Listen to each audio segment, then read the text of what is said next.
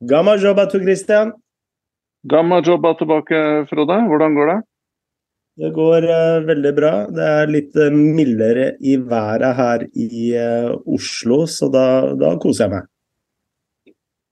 Ja, um, det er sikkert vi, får, vi, kan starte med sedvanlige utvekslingen av, av vær, som folk sikkert syns er veldig underholdende. Jeg oppholder meg fortsatt Før vi kommer over til vin, tenker du på? ja, vi får se om vi kommer dit i dag. Men jeg oppholder meg i hvert fall i litt uh, Fortsatt i litt mildere klima enn det der uh, hos deg. Jeg er i Kypros. Uh, ser utover Middelhavet, som jeg gjorde sist. og siden vi uh, snakka sist, Frode, så har jeg vært uh, uke i på vestlige delen av Kypros. nærmere bestemt Pafos. Og det laget har en norsk trener som du kanskje vet hvem er? Uh, er det legenden Henning Berg?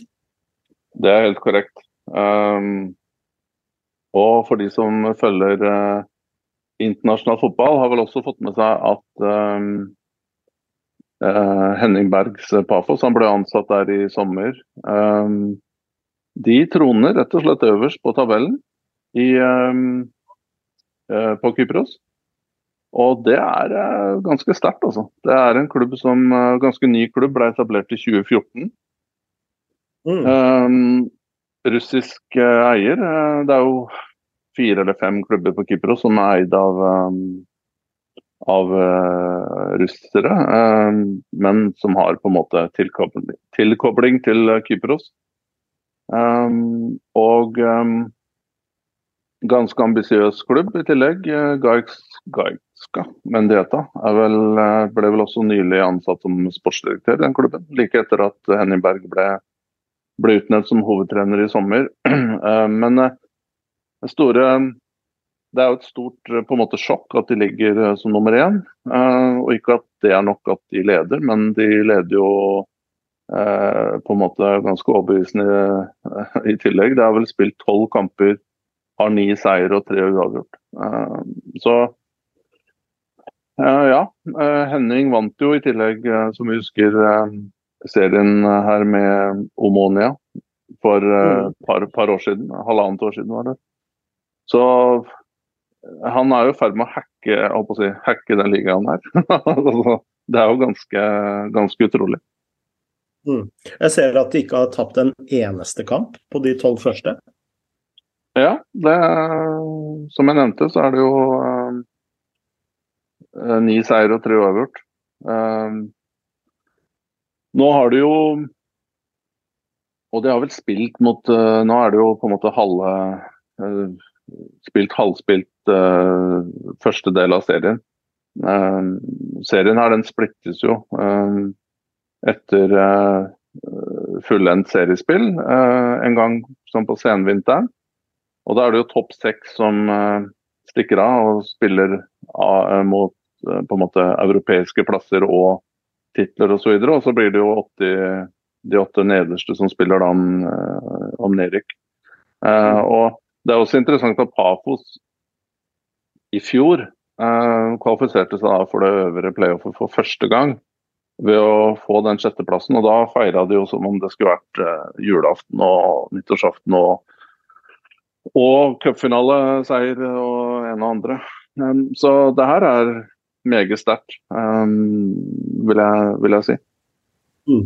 Uh, uh, Kypros er vel delt i to, en tyrkisk del og en gresk del.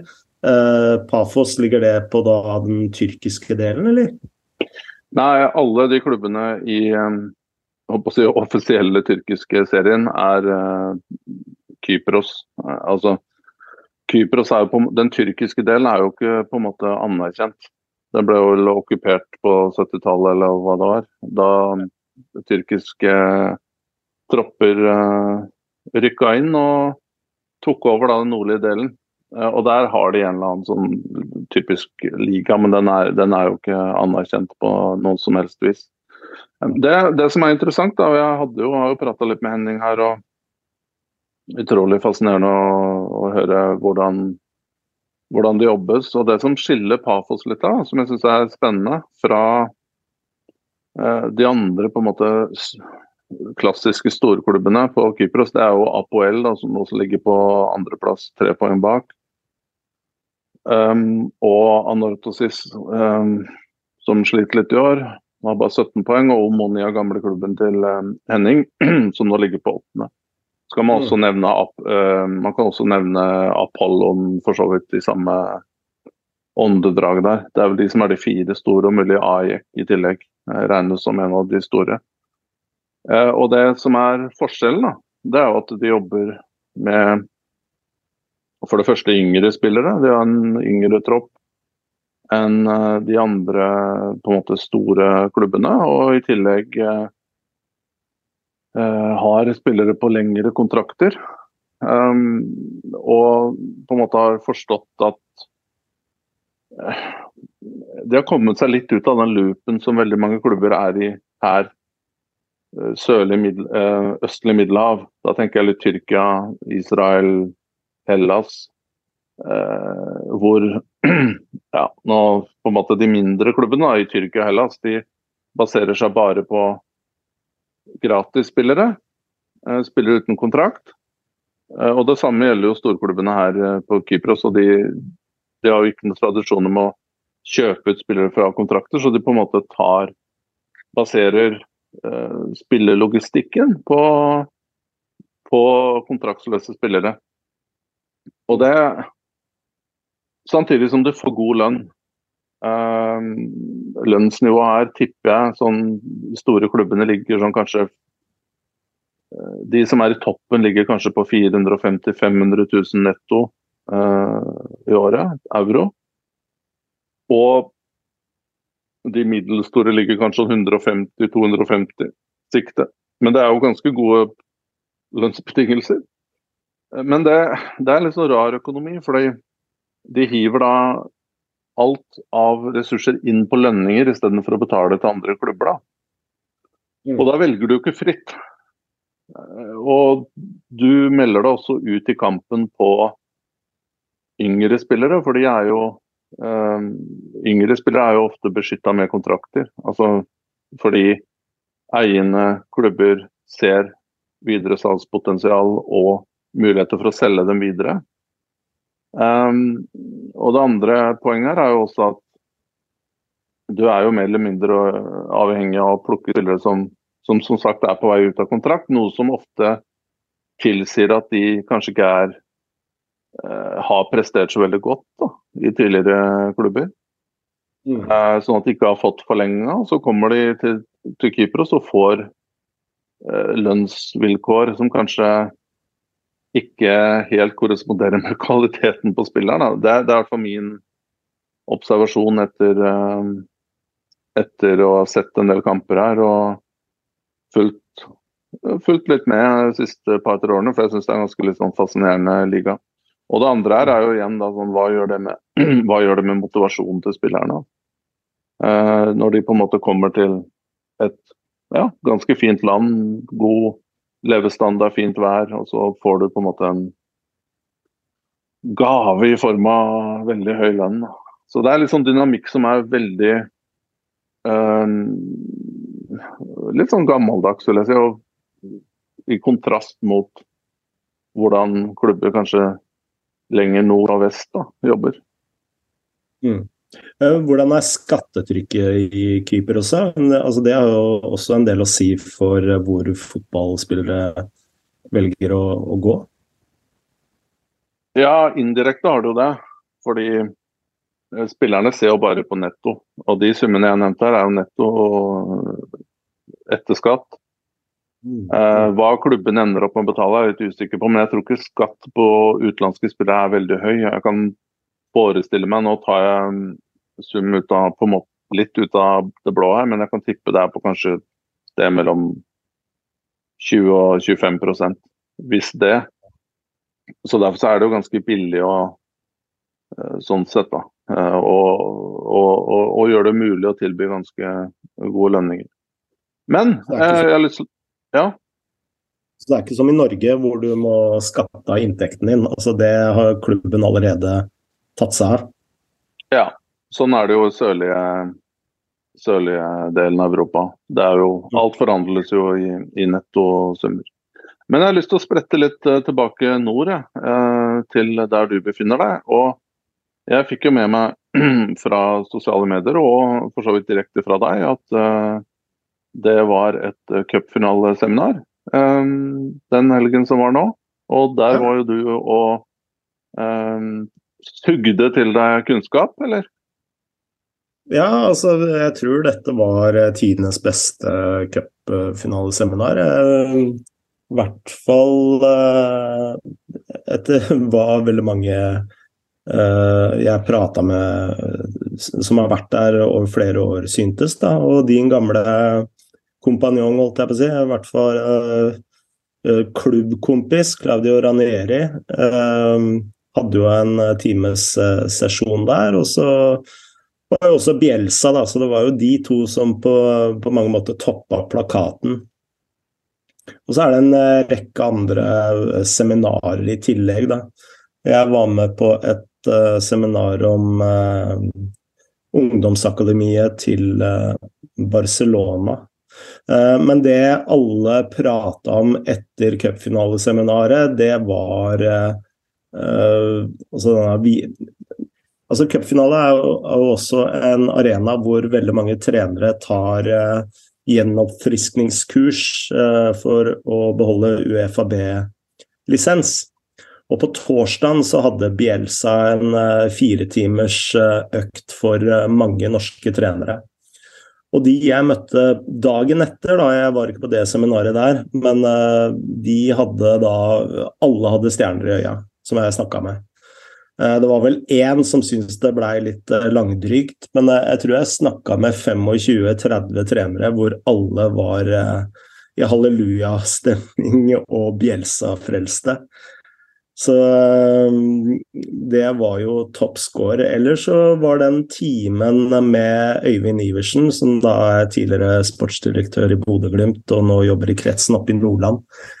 Jeg eh, hadde jo en um, times uh, samtale med Claudio Ranieri, og det var veldig mange som også syntes den timen der var blant det beste i helgen. Og han ga et, ga et innblikk i hvordan være et ganske sånn konkret innblikk i hvordan det er å være topptrener, manager, i den grad du klarer det på en time. Så, så, eh, etter praten hadde kommet litt i gang, så var den veldig veldig konkret. konkret og jeg tror veldig mange fikk eh, veldig mange gode innspill og, eh, eh og tips til eh, eh, hvordan man jobber. Ja, det er jo utrolig imponerende av Det er vel NTF, Norsk Toppfotball, som er arrangert, stemmer det? Nei, det er Trenerforeningen. Ok. Eddie Moen. Riktig. Uh, mm. Og han uh, Ja. Nei, det er jo veldig imponerende lineup. Og må jo være utrolig inspirerende for uh, både ja, etablerte kjente trenere, og ikke minst de som er på vei opp og på en måte Ja, det å kunne sparre og få informasjon så nært uh, og direkte, og for så vidt også da litt uh, Ja, jeg tipper innholdet også er litt sånn adaptert til uh, norske odds i tillegg. men ja. Hvis jeg får si et par ord om Claudio Raniere og det som var så bra med den samtalen der, det var jo ikke at det var veldig mange mange sånne typer samtaler føler jeg ender opp i en sånn kvasi-intellektuell debatt om taktikk. Men eh, det Raniere var så flink til å formidle, det var liksom hvordan du står i trenerrollen som et, uh, som et helt menneske. da. Og han snakka mye om uh, det å være seg sjøl, og ikke minst skape et miljø hvor det ikke er eh, altså ikke er skremmende å gjøre feil. Da. Han fortalte bl.a. i garderoben så var han ofte at han eh, innrømma feil selv, bare for å skape et, eh, en arena for at spillerne også skal tørre å, å, å gjøre feil på banen, for å tørre mer. og, og skape et at, det er veldig viktig når du skal skape et vinnermiljø. Da. En vinnermentalitet. Det er å ikke frykte å gjøre feil. Uh, og det uh, eh, snakka med en del trenere etter, uh, etter uh, sesjonen, og de, trakk fram bl.a. det, da, altså de der menneskelige tingene som, som var De menneskelige tingene og de litt sånn smarte tingene. Han uh, snakka bl.a. om om hvordan du kvitter deg med spillere som utfordrer deg som trener. da og, og skape splid i, i, eh, i, miljøet. Og han uh, eh, snakka om at Altså, han sa ha det når ferien kom, men de spillerne kom bare ikke tilbake. da var det jo stor latter i, i, salen. Er det noe du du har følt og sett med Ranieri? Ja, det lyder kjent. Um, og fra uh, ja, ja, Nei, det lyder kjent. Og han Jeg vil jo si at det er jo ikke på en måte å hive Ranieri under bussen. Det, for det på en måte er jo bare en forlengelse av det du sier. og Han var jo veldig, veldig klar på hvilke spillere eh, han ikke eh, ville bruke tid på. og og det er klart at eh, det er vel også noe som på en måte du lærer og litt mer rutinerte trenere kan være mer kompromissløse i, den, eh, i det aspektet der. Og på en måte Ja, du har kanskje Du kommer Du kommer på første dag av gjenoppstart så har du en stor gruppe, og så ja, du gir jo folk sjanse en uke eller to, og så, og så skal du på treningsleir, og da er det liksom Disse her skal ikke med. Og da er det opp til klubben å gjøre det beste de kan, da. Til å terminere, eller å i hvert fall gå i samtale med agenter om å, om å forsøke å finne andre muligheter. Um, og, men det, det kommer jo aldri som lyn fra klar himmel på spillere. De vet jo selv de fleste i hvert fall da, vet hvor de, hvor de står, selv før preseason starter.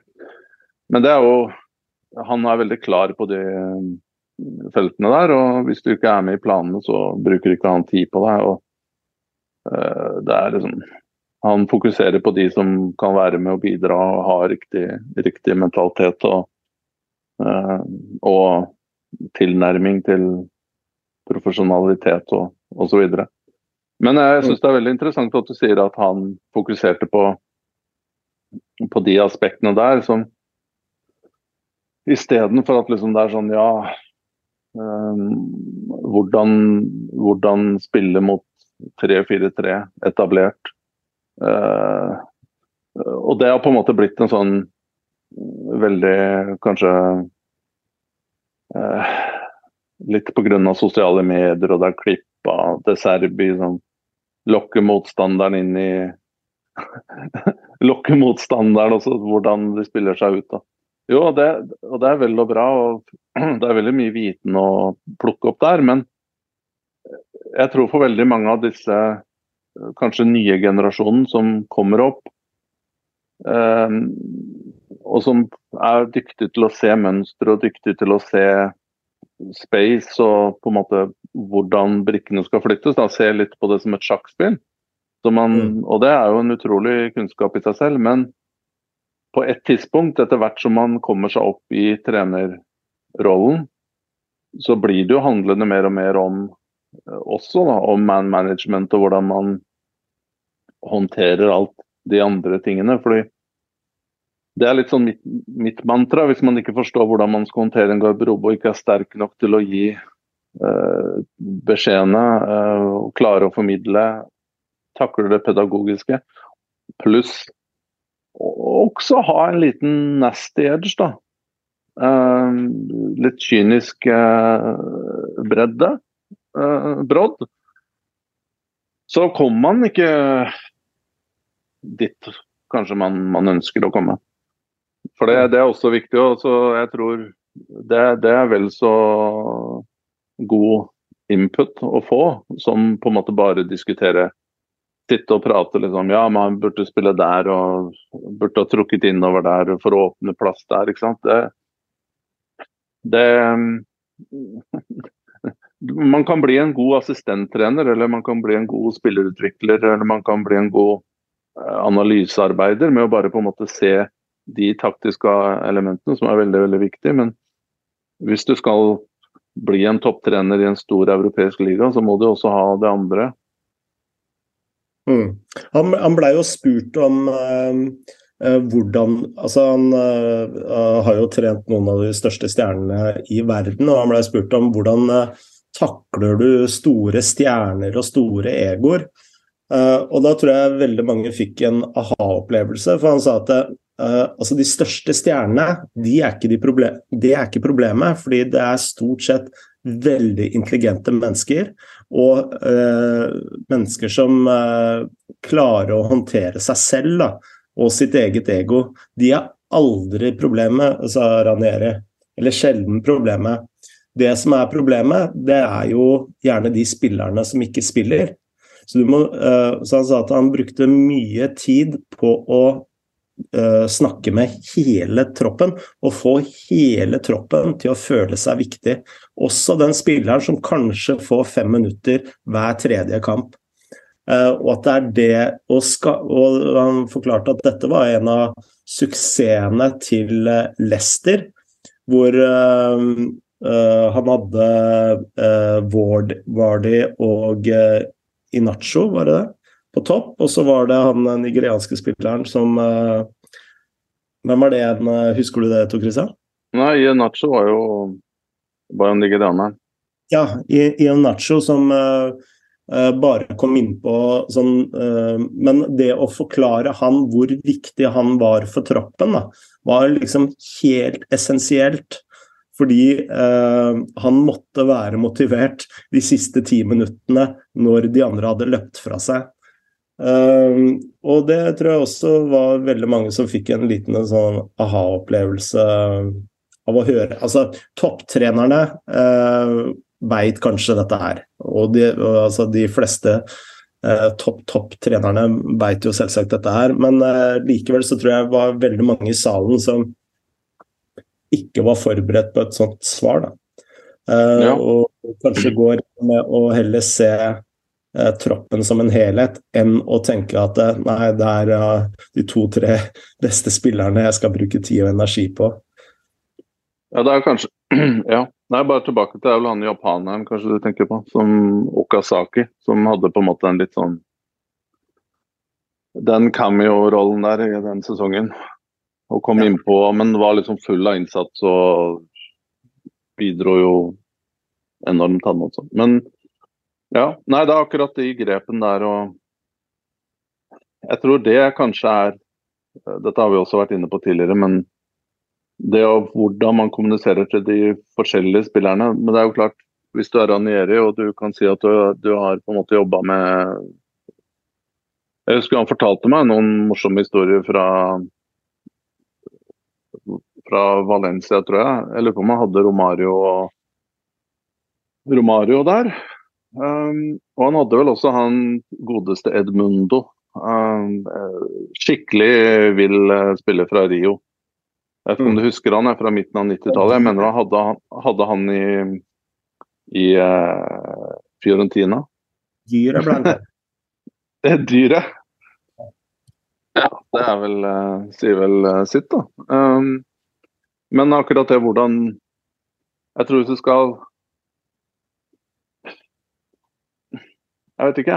Um, det, er, det, er, jo millionen måter å løse dette her på, men uh, Og jeg har jo sett forskjellige måter trenere på en måte Hva skal jeg si uh, Tilnærmer seg kommunikasjon med spillere på. Noen er veldig sånn profesjonelle og behandler alle likt. Og andre um, andre er på en måte litt som du sier at ja, hvis du har en superstjerne som har visse sider ved seg, så må de også få lov å på en måte uh, være seg selv, da, i anførselstegn. At de får litt mer plass og at ja, Romario eller Edmundo at de tok seg en dag ekstra på karneval i, i Rio, og at det på en måte ikke ble full panikk da. Mm.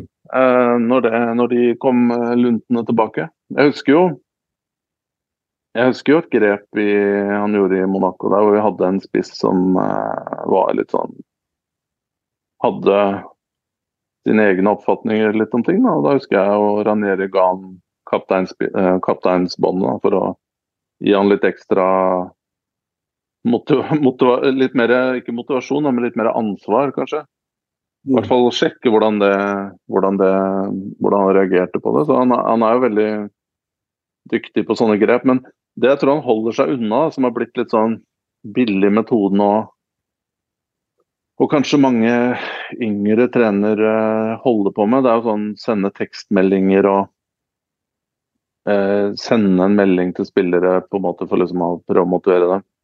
Mm. Uh, og holde til spillerne der, det, det, tror jeg er risikosport. Um, med emojis og drive og styre med det. Jeg tror aldri du slår én til én. Ha en klar plan. Og du må være menneskekjenner. Du må klare å forstå de forskjellige spillernes behov og hva som får dem til å trigge. Uh, hvem du kan kreve hva av og sånne ting. Uh, men det tror jeg også er enklere for trenere som er litt mer erfarne, kanskje i slutten av 40-årene, 50-årene, at det er en skill som, som kanskje kommer når du har hatt ja, når du har hatt uh, har hatt langt flere erfaringer enn en yngre trener. Så det, det var nok veldig viktig, viktig input han, han, kom med der. Men, men Bielsa var ikke du med på, eller? Jo, jeg var med på det, men jeg, jeg fikk inntrykk av at uh, uh, han hadde prata seg litt ut uh, på den torsdagen. Så, og han satt jo der også med en oversetter, og de Dette var jo liksom ferdig uh, ferdigstilte spørsmål han ble liksom spurt om. Uh, så man gikk uh, ikke like dybden som det man gjorde med Ranieri. Og, så jeg følte jeg ikke satt igjen med noe, noe nytt i forhold til det jeg visste fra før. da. Men de som var med på den sesjonen dagen før, de, de hadde jo da halleluja-øyne. Men Eh, det foredraget jeg var på om eh, ungdomsavdelingen til Barcelona, det var veldig interessant. For da gikk de ganske sånn eh, nøye gjennom hva som var liksom treningsplanen gjennom en uke, og hva som er målsetningen deres, og hva som er utfordringene deres, videre. Altså de, og jeg gjorde meg en liten tanke, fordi Målet deres med ungdomsavdelingen det er ene og alene å skaffe spillere til A-laget. Altså, de bryr seg ikke noe om å, å, skaffe seg spillere som du kan eh, selge til andre klubber. Det er eh, ikke en del av deres plan. Altså, samtidig så fortalte de i en eh, annen sekvens at de sleit med å, å produsere gode spisser og gode kantspillere. Eh, og når jeg så gjennom eh, hele treningsplanen deres, så var det veldig mye sånn pasningsbaserte eh, øvelser. Altså, du, det sier seg selv. Altså, er du en tenåring i Barcelona, så skal du lære å spille ballbesittende fotball. Du går jo kanskje litt sånn glipp av disse én-mot-én-ferdighetene og dribleferdighetene og den friheten som veldig mange søramerikanske spillere f.eks. Eh, besitter. Da. Eh, så ja. Så det var, var en fin helg på cupfinaleseminaret. Men jeg lurer bare litt sånn på um, dette blir kanskje det, Dette blir jo mer allmenngyldig um, diskusjon enn bare fotball.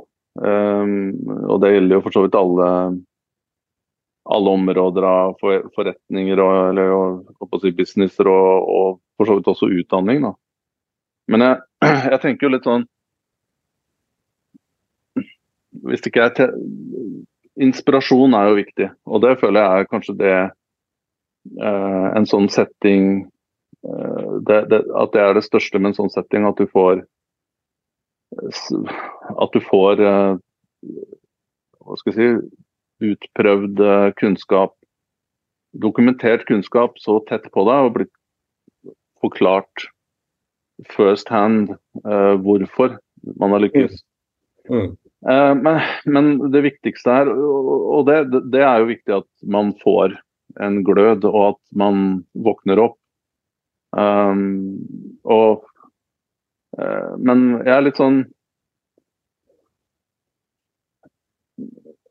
det, det, jeg reagerer bitte litt på, da, når jeg ser og hører uh, folk som har vært på sånne seminarer, så er det litt sånn at ja, da skal vi kopiere dette her. Um, nå er det ikke alle som tar den approachen der. Men jeg tror jeg, Det jeg skal fram til, det er at etter tror kanskje de som lykkes og de som er de absolutt viktigste, at det er kanskje de som eh, og Kanskje dette høres veldig opplagt ut for mange, men at man tar til seg den, de inntrykkene, at man, men at man likevel har en eller annen kjerne der fra før av med noen grunntanker om hvordan uh, han eller hun kan lykkes. At man, har, at, at man klarer å ha eh, sine egne tanker, sine egne måter å prosessere informasjon på, og tilpasse den til sin egen, eh, sin egen unike vesen og kunnskap. Da. Og det føler jeg kanskje er litt sånn undervurdert, fordi når jeg snakker med Og det er, det er enkelte, eh, og mange vil jeg si, som, som konsulterer. La oss si noen sparer, og jeg får henter ut eh, interessant informasjon selv. Og andre spør om råd eh, og hvordan komme seg videre i karrieren osv. Og, så og mye av det som jeg får inntrykk av, det er at veldig mange på en måte blir veldig fikserte på hva andre har gjort og lykkes med. Uh, og at man blir veldig sånn fiksert på veldig smal fotballkunnskap. Uh, og fotballviten og fotballitteratur og fotball-YouTube eller og ser bilder. Uh. Mens at man ikke på en måte kanskje ser bredt nok i søken på hvordan man selv skal klare å prosessere og utvikle egne tanker. Og da tror jeg man må se mye bredere enn bare fotballspesifikt. Da. Det er litt mm. på en måte det I den grad jeg har lært noe, så tror jeg det er i hvert fall noe som jeg blir mer og mer sikker på er, er viktig. At man leser Man må lese. Uh, og den kunnskapen du får gjennom bøker, uh, er mye viktigere enn det, og det setter seg på en annen måte enn det man får fra, fra å se uh, et foredrag, f.eks. For eksempel. uh, og man må oppsøke miljøer, og man må snakke med folk, og man må, man må reise. Og man må på en måte ta til seg inntrykk hele tiden. Men, men det jeg også skulle tilbake til, er at man søker litt annen type viten. Um, at man leser og, og, ikke bare manualer, liksom. Ikke bare Steven Pinker og populærvitenskapelig tenking, men jeg vil jo si at det går litt tilbake liksom, i X-Fill-bøkene fra videregående. eller på å si eh, Nå begynner folk å lure på om jeg har allerede vært ned i kypriotiske vinkjelleren her. Jeg har ikke det. Um, men um, må nesten tilbake til på en måte antikken for, for å finne på en måte altså, Eh, og lese litt om eh, originale tanker. Da, altså hvor på en måte eh, Nå snakker jeg meg kanskje litt bort her, men Jeg skjønner poenget ditt. Ja, det jeg skal fram til er at Man må se litt på hvordan og hvilke tanker er det som eh, man kan basere videre utvikling av egne tanker på. da. Og Da kan du på en måte ikke bare hoppe på etablerte tanker, etablerte linjer.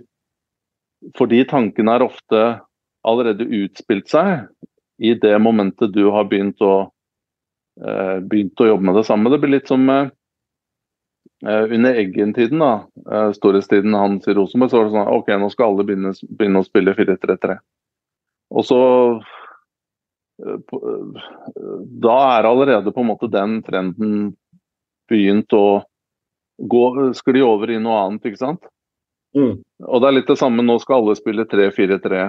Og så skal noen kopiere Bodø-Glimt 4-3-3. altså jeg, jeg, tror man må ha et litt annet utgangspunkt. da, og jeg tror de som virkelig lykkes, er litt mer sånn, la meg si, eksentriske og eksplorative da, i hva man Og henter impulser fra andre ting enn fotball, det tror jeg også er, er viktig. Det ble, ble, ble, veldig flytende dette her. Men jeg tror hvis en eller to følger med her, så er, det, så er jeg fornøyd med det her. Altså. Jeg skjønner poenget ditt. Uh, men uh, når sant skal sies, da, så var, det vel litt det inntrykket jeg fikk av å snakke med folk. At dette er mer sånn uh, Cupfinaleseminaret er jo ikke et kurs. Altså du, du, du blir jo ikke kursa å høre Claudio Ranieri en time eller være på et seminar om Barcelonas ungdomsavdeling i tre-fire timer. Så det handler mer om å få litt sånn inspirasjon til å akkurat som du sier da, til å utvikle liksom dine egne ideer. Uh, og jeg snakka med en uh, spiller at, nei, en trener uh, på Obos-nivå som sa at jeg, kan, ikke gjøre noe av det Bielsa gjør. Altså, ikke kan jeg spille mannsmarkering. Altså, ingenting av det han gjør, kan jeg liksom kopiere til min egen hverdag. Men jeg fikk tusen nye ideer av, av, å høre på den.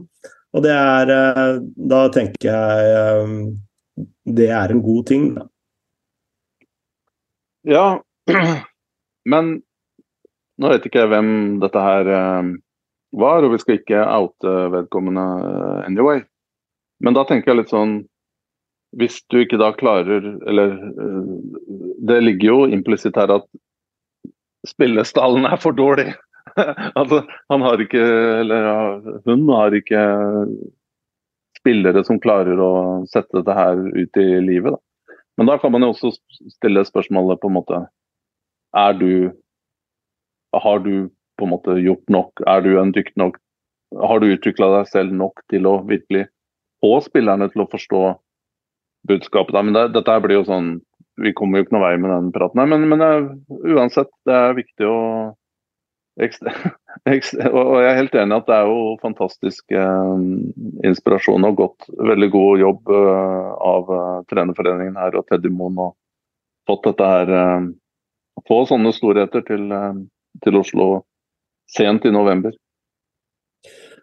Uh, la oss gå litt videre, og det har jo skjedd flere ting i, i fotballverden som ikke er relatert til uh, verken cupfinaleseminaret eller VM. Og store overskriftene akkurat nå, det er jo at Agnelli har trukket seg fra og Nedved har uh, trukket seg fra henholdsvis uh, som sportsdirektør og uh, styreleder i Juventus etter at myndighetene etterforsker Eller har vel etterforska Juventus over en lengre tid. men du, jo, du, følger jo italiensk fotball veldig tett, Tor Christian, og har veldig kjennskap til til saken. Og hva er det som egentlig har skjedd? Ja um, Nei, det her slo jo ned som et lyn um, for uh, et par dager siden. Uh, og selv Nå er jo ikke Italia i, i VM, men selv i en VM periode, så er det jo denne situasjonen her med Juventus som preger forsidene på, på sportsmedia i Italia. og ja, du har rett. Andrea Agnelli har trukket seg sammen med det jeg forstår er mer eller mindre hele styret i Juventus. Du nevnte også Pavel Nedved, den gamle store spilleren, som var visepresident, ikke, ikke sportsdirektør. Han heter vel Kerubini, tror jeg. Mm. Um, og det som har skjedd der, da, det er jo som du sier, dette er jo basert på en lengre etterforskning fra italienske myndigheter um, om det man kaller um, uh, Altså det som har kommet ut Alle detaljene her jo ikke, uh, ligger jo ikke for, eh, for hele verden å se ennå. Men det det handler om, er jo i, i første rekke da det man sier er regnskapsjuks. At man har blåst opp verdien på spillerne i bøkene. Um, gjennom fiktiv prissetting. Um, det er også Det hevdes at det er avdekket um, skjulte lønnsutbetalinger uh, for spillerne, til spillerne. Um, det, og dette her er jo ikke på en måte noe nytt. Det har vært mistanke om det her i italiensk fotball i lang tid. Um, siste tiår i hvert fall. Hensikten, da, det som på en måte er fordelen med å gjøre dette her, uh, uten å bli for teknisk, så handler det om å blåse opp verdier, slik at du får uh, Du kommer bedre ut da, i, uh, i, i regnskap, uh, og for FFP også, så har det også stor betydning. Så det, det snakkes jo om spesielt da, et beløp her på jeg på om det er 34 millioner euro som blir nevnt, som på en måte ikke som er et hull i regnskapet. da fra Det er vel 1920-sesongen, eller om det er 2021. Det husker jeg ikke farten her. Men det er i hvert fall eh, et ganske stort beløp. Noe av dette her eh, blir sagt eh, dreier seg om lønn til Cristiano Ronaldo på 20 millioner netto, er det vel. Så fire, fire månedslønner.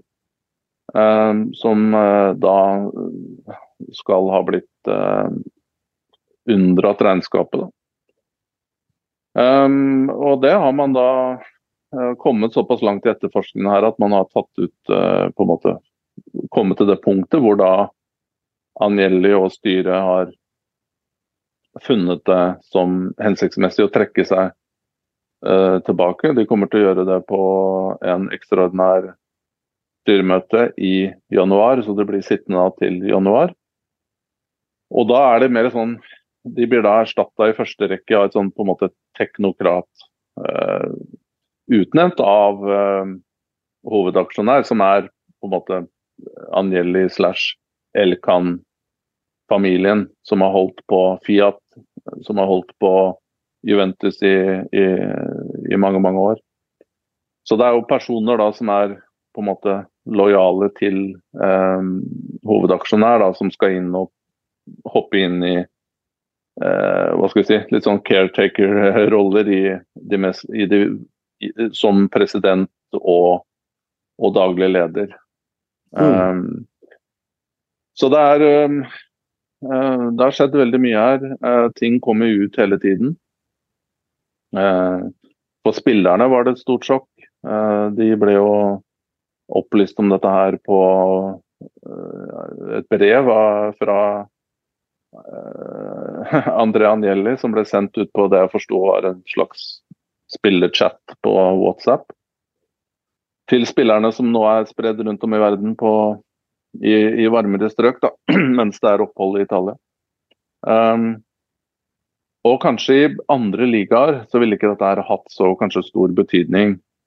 Uh, styre og finans er én ting, og trener og sportsapparat er noe annet. Det er, det, det er, dem vi forholder oss til, ville man kanskje sagt i Norge eller i, i, i andre land.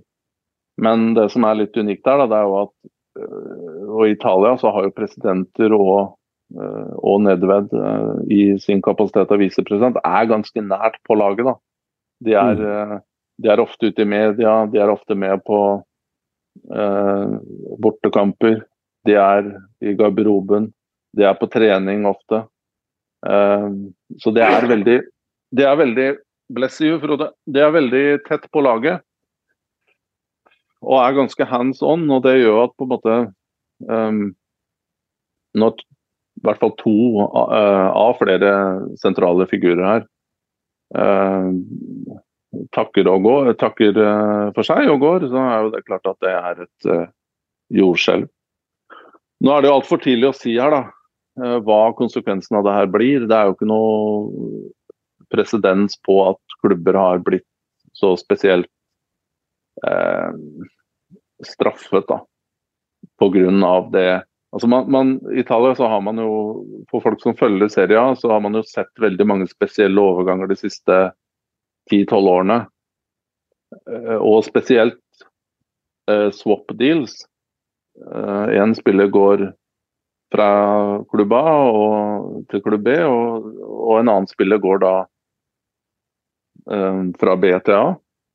Mm. Med ganske spesielle verdsetninger da, av spillerne, som klubbene mm. har satt selv.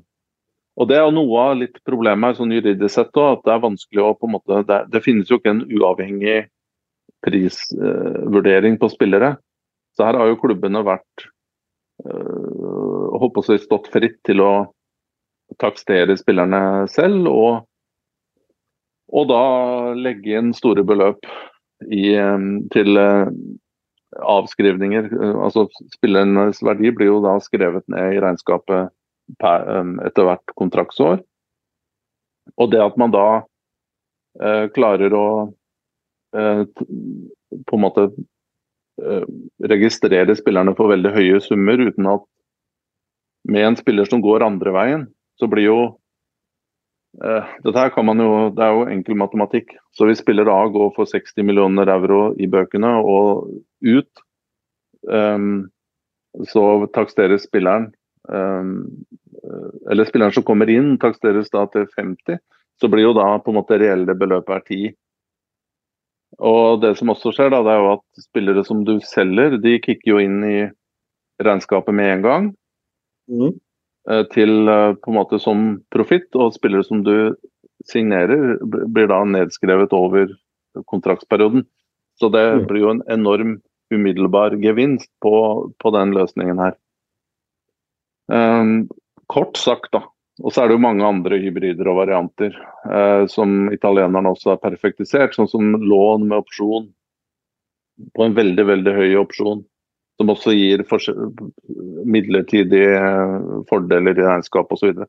så det er sånne på en måte ganske tekniske eh, tek, regnskapstekniske eh, faktorer da, som det her handler om. Eh, det som er mer alvorlig, er jo selvsagt da Eller dette er jo også veldig alvorlig i seg selv, men det er jo også den eh, holdt på å si hull i regnskapet der man det, det, det, nevnes i italiensk medie at det har vært signert på en måte uoffisielle avtaler som ikke er på en måte eh, sendt til forbundet osv. Så, videre, så det er, det er mange, mange ting her. Um, sist gang, du husker jo kanskje i uh, Sist gang uh, Juventus var i hardt vær, eller?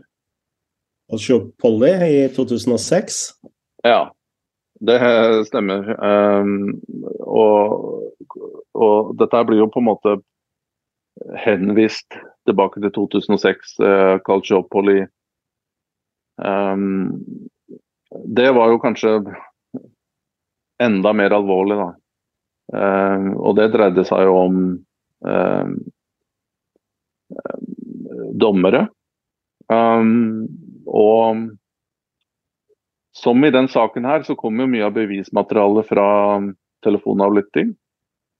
Uh, og spesielt da i 2006 så var jo um, Da dette her virkelig kom på bordet, så var det jo telefonavlyttinger som var uh, det sentrale her. Men her hadde jo også italienerne klart å være veldig kreative, fordi de involverte her, mange av dem brukte jo da spesielt sveitsiske SIM-kort. Eh, kjøpt i en kiosk i Kiasso like over grensa til eh, Sveits. Som da var umulig å eh, spore. Så de baserte seg på en måte på på bevismaterialet som hadde blitt gjort på italienske numre. Så kan man jo bare forestille seg hvor mye som på en måte av det virkelige grumset som man hadde gjort på disse utenlandske numrene. Det var jo også eh, SIM-kort fra Liechtenstein og fra Slovenia som ble brukt. Så mm. det, det, i seg selv er jo opplagt at her har man jo lagd, lagde man systemet for å klare å ikke bli Dette her var utveksling, utveksling av informasjon som ikke skulle som ikke tålte dagens lys.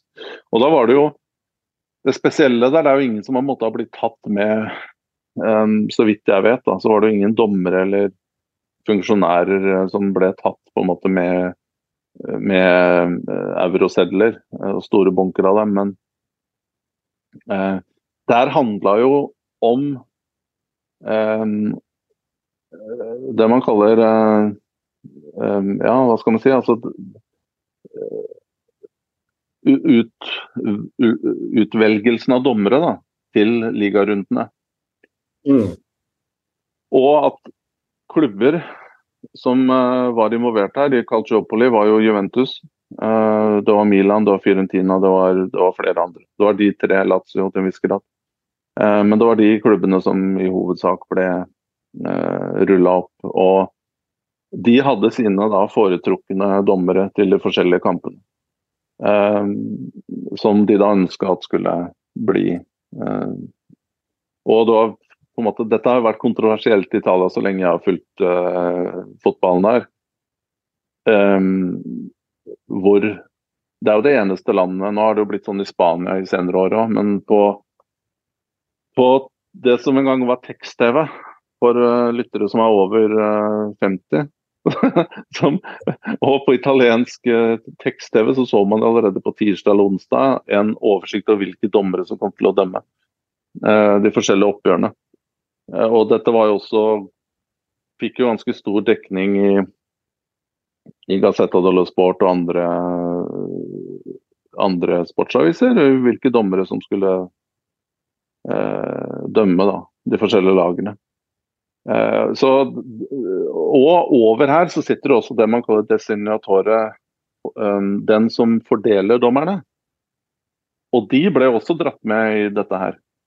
Så, så det, er, men Italia er jo også verdens mest konspiratoriske land, hvor folk ser spøkelser på høylys dag over, uh, overalt. Men det er klart at det var et system her som man kunne manipulere og favorisere, det har man jo sett uh, i ettertid. Men på det tidspunktet der så kom jo Juventus var den klubben som kom dårligst ut. Ble jo, de jo flytta ned i serie B.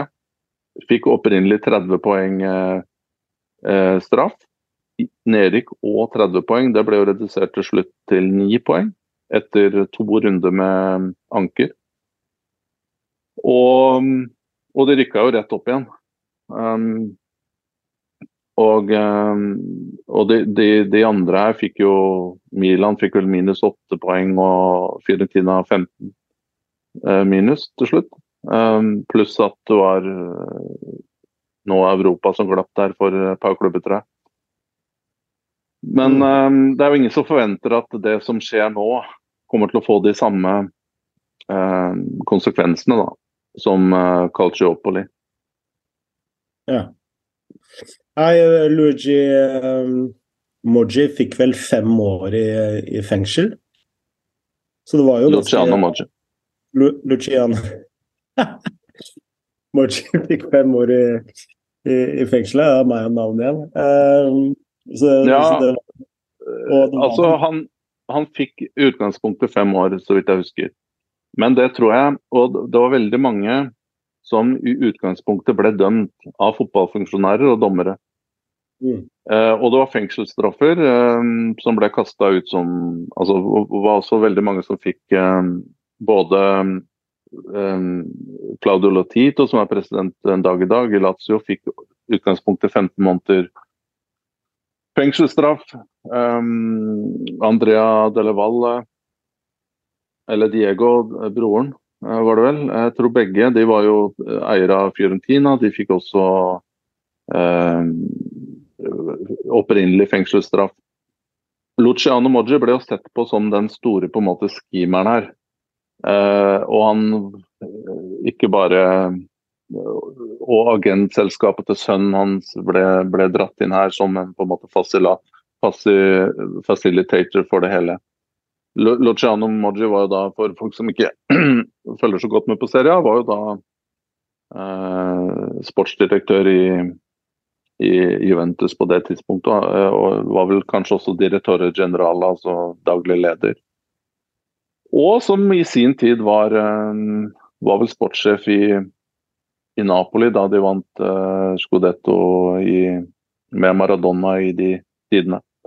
Men alle disse her ble jo til slutt uh, ble jo til slutt uh, frikjent, er kanskje ikke ordet, men man hadde ikke nok. Dette gikk jo til anke til anke, og til slutt så gikk jo så, så, ble jo sakene foreldet. Da. Så til slutt så, så, Det var vel kun én dommer til slutt som uh, uh, Massimo De Santis, som var kanskje den mest impliserte dommeren her, selv om det var mange andre også, som til slutt fikk fengselsstraff. Og det var vel uh, så, så, han var vel den eneste som, som ja, måtte sone. Det er jo laget en uh, veldig fin dokumentar, eller fin, bra, god dokumentar som heter Footballgate. Uh, som er å få sett på noen uh, streamingkanaler. Så den kan jeg i hvert fall anbefale. Men Andrea Agnelli, han har jo ikke hatt et godt år, eller to gode år. Altså etter Superliga og nå, nå dette. Hva tror du blir hans fremtid eh, oppi det hele? Fordi noe av det alvorlige her, så langt jeg har eh, forstått da, med dette regnskapsjukset, er jo at Juventus er et børsnotert uh, selskap. Og da uh, er, blir liksom alvorlighetsgraden enda større, fordi du, du fører investorer uh, og småinvestorere bak, bak lyset, på en måte. Eh, men hva tror du framtida hans eh, vil bringe? Um, nei, vi må jo på en måte avvente og se rettens gang her, og hva man lander på.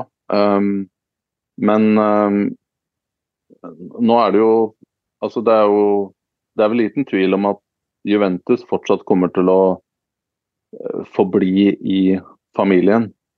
Eh, det er jo noen på en måte forgreninger her. Eh, holdt på sin opprinnelige Agnelli-familien, og så er det jo på en måte eh, Elkan-familien som Jeg husker ikke helt forbindelsen her, om det er fra kona til opprinnelig Agnelli, faren, da, eller bestefaren til, til Andrea, som, som på en måte tar over her. Men det er jo på en måte samme samme dynastiet, da, om du vil, som fortsetter å uh, trekke i trådene, uh, og som skal holde på Juventus.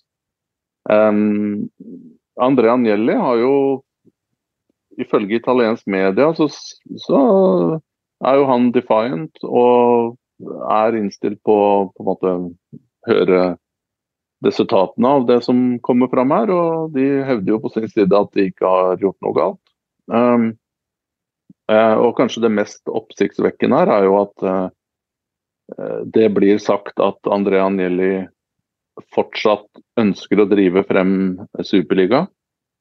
Um, i, om det blir i regi av Juventus, jeg er usikker på, men han, at han ønsker, hvis Superliga um, blir realitet, så er det ikke utenkelig at han kan bli CEO eller på en måte lederen for, for den superligaen. Så han, det virker som at han fortsatt ønsker å fortsette i, i fotball på, på, et eller annet vis.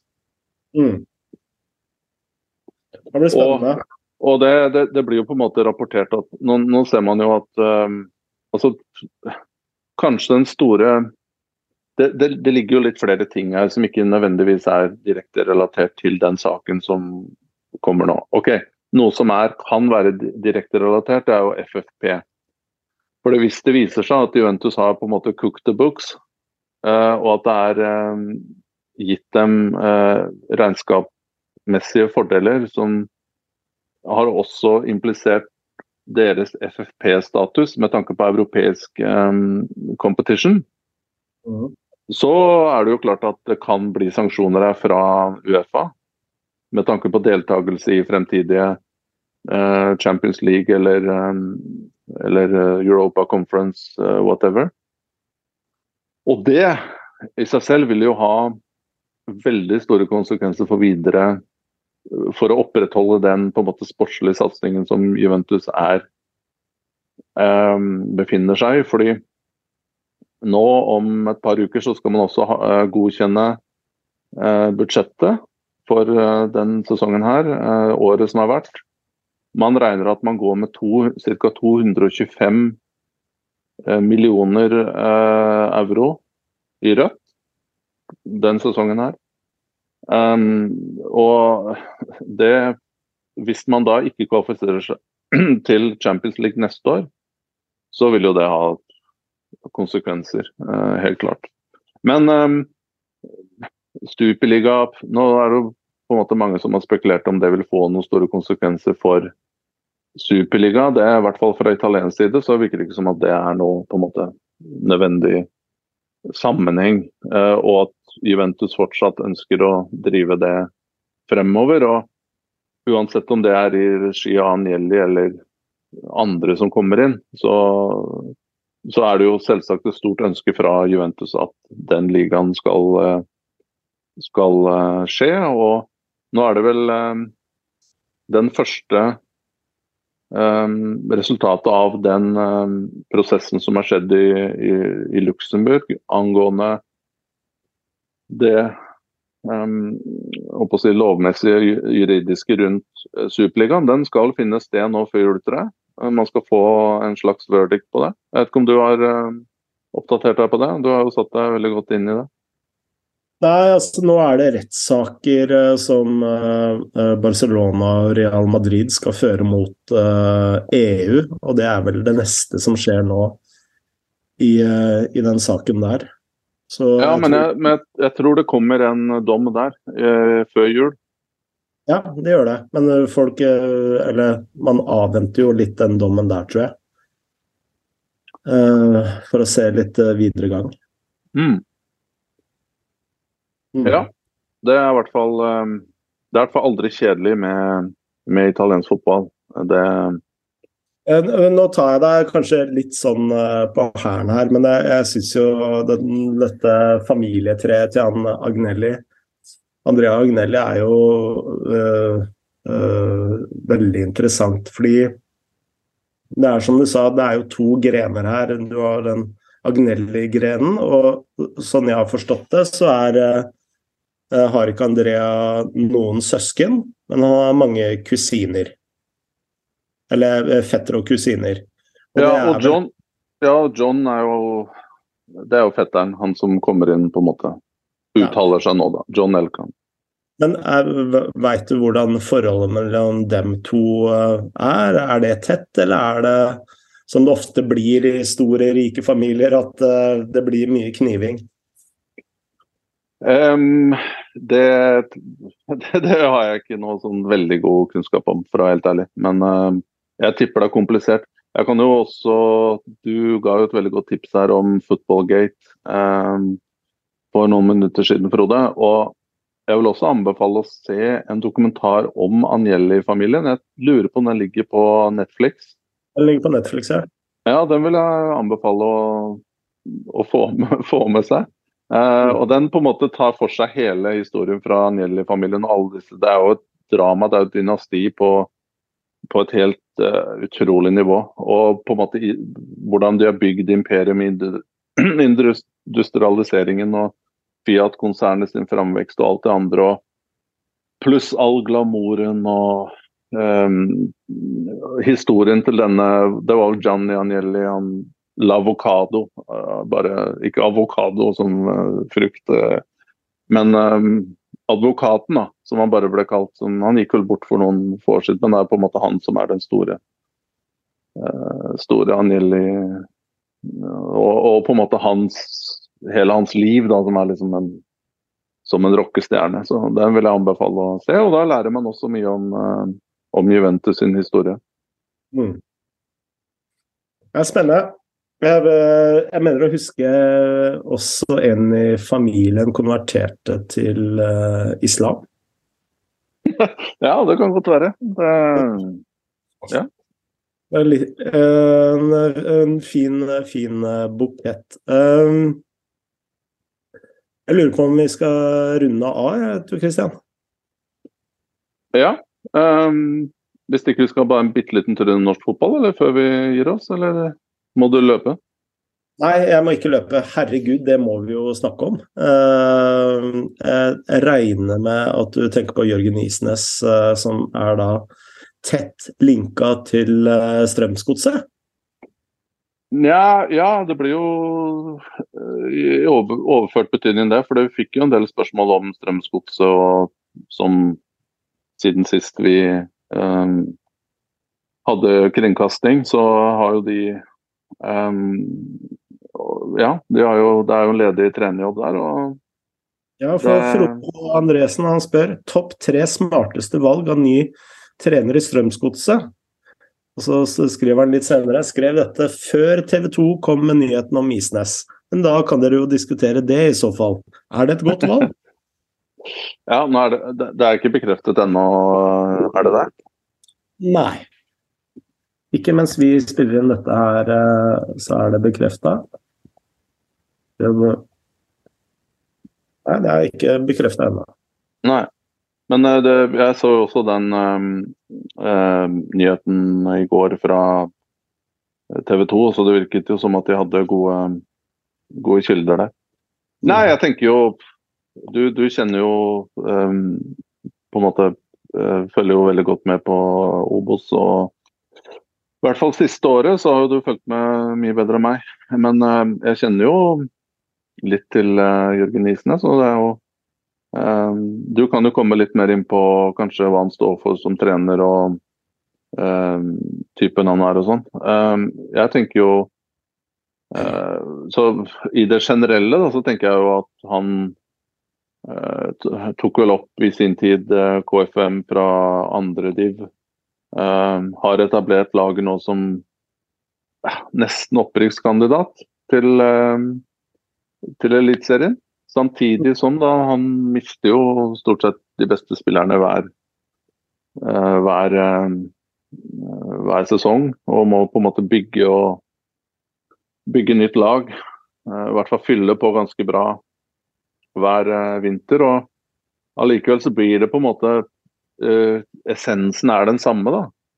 Så for meg mm. så slår jo det meg som en trener som har en veldig klar idé, som kan mestre på en måte Han mestrer sikkert også å jobbe med større ressurser. Det har han jo ikke testa ut. Og får vel heller kanskje ikke testa det fullt ut i Strømsgodset så lenge de befinner seg i rød sone og det er på en måte sparing som kanskje gjelder der akkurat nå. Men jeg tenker jo i hvert fall sånn at uh, Og han har jo hatt tilbud tidligere, etter det jeg har forstått, fra Eliteserien, men uh, synes jo at det er på tide at han tar sjansen. da, Litt som vi sa med Paco forrige uh, Chivadza, at uh, de på en måte begge er jo i 40-årene. hvis de, Jeg håper Jørgen Isnes er i 40-årene, om han ikke er Jeg tror han er det. Uh, OK, han hvis han er i slutten av 30-årene, så får han ha meg unnskyldt. Um, men Jeg er ganske sikker på at han er født på 70-tallet. så mye grått hår og Ja, men det gråhåret tror jeg alle har nok hatt en stund. Men Men, men jeg syns det er eh, på en måte De på en måte eh, blir veldig mye på en måte her i dag, så ha meg unnskyldt de trenerne som er um, ikke bare up and coming, men har etablert seg sånn på en måte solide uh, trenere i norsk på høyt norsk nivå, at de i hvert fall eh, er med opp i Eliteserien og, og, prøver seg der. Vi, vi, vi, trenger det, og enn at man bare resirkulerer andre og folk som har fått mange sjanser. Så, og det, og det syns jeg er litt Og jeg, og jeg syns jo fra um, Litt som insider, da. Jeg har jo sett stått like bak Jørgen Isnes både der oppe på, på Ekeberg. Ikke stått bak han, han står jo på andre sida der, men det er jo det er jo ikke Allianz Arena der oppe. Så du får jo med deg med all respekt, nå blir det jo Allianz Arena der snart. Um, men du får jo med deg hva slags type han er på sidelinjen. Jeg har stått bak han på, på Sør Arena i, i uh, Kristiansand, og han er jo en type med trøkk. Han er passionate og han er litt typete i tillegg. Så jeg syns det er kult at uh, vi får uh, eventuelt han til Eliteserien. Altså, du nevnte jo uh, Paco til Odd. Han var jo tett linka til uh, Odd når Fagermo ga seg der, uh, der, i sin tid. Men jeg tenker jo også at det føles veldig riktig at han tar det steget nå. For nå har han liksom ført KFM opp på kvalik, og det har nesten gått flere år på rad nå at uh, nå er han uh, klar for uh, eliteserien. Um, så det føles helt riktig. Og jeg tror det er også veldig riktig for Strømsgodset. Uh, fordi altså, du nevner energien til Isnes. Det er jo altså når du, som du sier, da, står ved Vi starta jo å snakke om Raniere og Bielsa. Og på sidelinja så er han jo litt som Bjelsa. Altså han går fram og tilbake og går fram og tilbake. Og, og liksom du, du, tar og føler på energien hans, da. Så Og det er vel kanskje det godset også uh, trenger litt. Litt mer uh, energi. Ja, og i tillegg så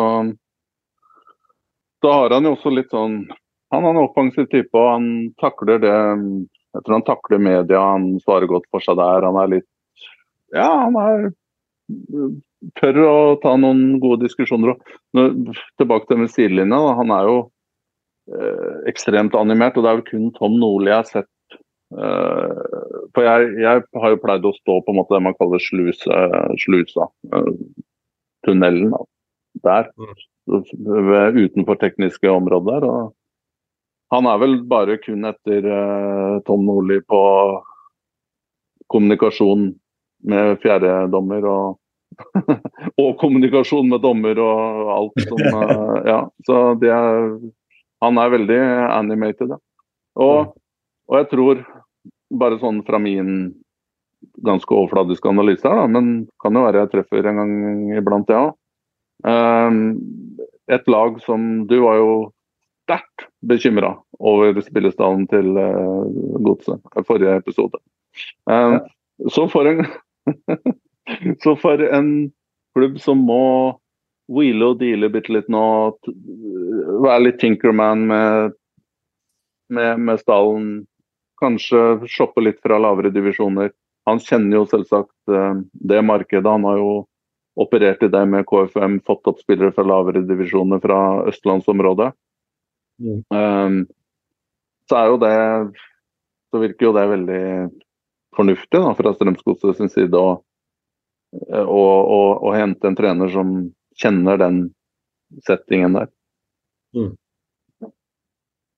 Ja, og uh, han, han har jo et rykte på seg til å være veldig god med spillerne, da.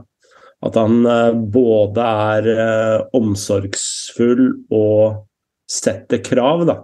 Og det er en sånn uh, Veldig mange tror at du må være liksom uh, uh, fullstendig diktator for å kunne sette krav, men det er litt sånn Jørgen Klopp-typen, da. Altså nå sammenligner jeg ikke Jørgen Isnes med Jørgen Klopp, det er ikke Så ikke, ikke tenk på det. men de har noen av de Altså, det tilhører litt sånn samme stil, da. At du eh, eh, er flink til å sette krav, du er flink til å sette en vinnerkultur. Men du er også omsorgsfull og, og skaper trygghet. Da. Og det er en, en veldig god kombinasjon for trenere å ha. Da.